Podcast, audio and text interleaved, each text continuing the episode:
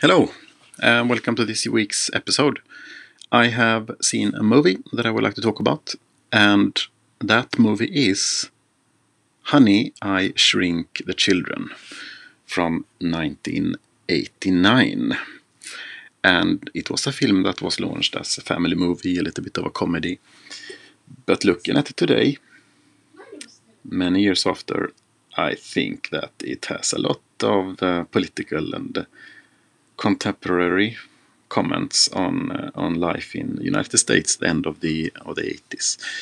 Um, well, the whole film starts with a scientist uh, who has uh, two children and living uh, with his wife in a rural area in the United States, in uh, outside Mississippi, and well, he has this idea of uh, shrinking things but the guys at the office do not believe that he can do it. Uh, he doesn't get the money to test his machine and so on and so on. So he brings the machine at home, and he tries it first on a, on on, on a banana.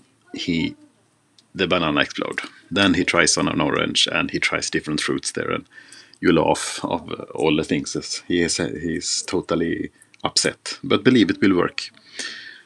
Then in the evening, kids come out uh, cannot sleep. They go out in the garage and find the machine, put it on. What happened? Yes, you can imagine. They uh, press on, and it blasts just in a mirror, and the blast cannot reflect us back to the children, so they become small. Day after, parents cannot find the kids, walking around and then look at the machine.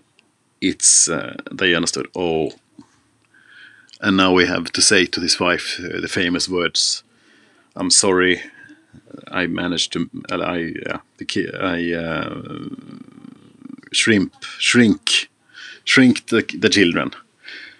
And um, then they start up. They, they look. They, they have to look for the kids then. And he builds this thing. He hangs over the grass and with a what do you call it lens, looking for the kids there. Cannot find them but they are there and they are hiding. It's like a jungle for the kids then in the in the grass. They travel, they meet ants, and there are and everything is like big. Then of course. Then at the end of the movie, they um, they uh, yeah, what happens is that they manage to uh, just blast the whole garden with this beam, and they become big again, the kids. And I mean, this is obviously funny movie, but if you look at it now, you can also think back on what kind of political climate it was at the time. And with the Russians, uh, spies everywhere, and uh, machines and so on, and you can imagine what what uh, you know what they meant. So very clever movie, I think. Um, fantastic uh, and I think uh, sometimes it's important to not only laugh at what we see in, in the movies, but also think what do they mean by this? What what is behind uh, the lines? And for this one, I was uh, very impressed by Robert Zemeckis, one of his first movies there in his career. Um, and um, so it's a recommendation. Honey, I Shrink the Kids. Recommendation.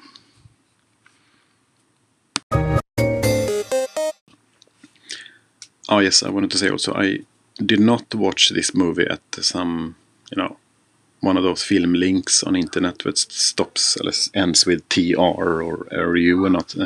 I do not do not do that. I, I mean, I have so, I mean, I've been with you know at somebody's house house and they showed something and I see this and then after some oh saw some okay they have looked at some link there but I did not do that. Uh, no I, I, had an old uh, got an old DVD from my friend a friend but it was a friend's a neighbor's. He got it from his friend. And they yeah well they are friends but they maybe haven't uh, spent so much time together but uh, he was he gave him a lot of DVDs.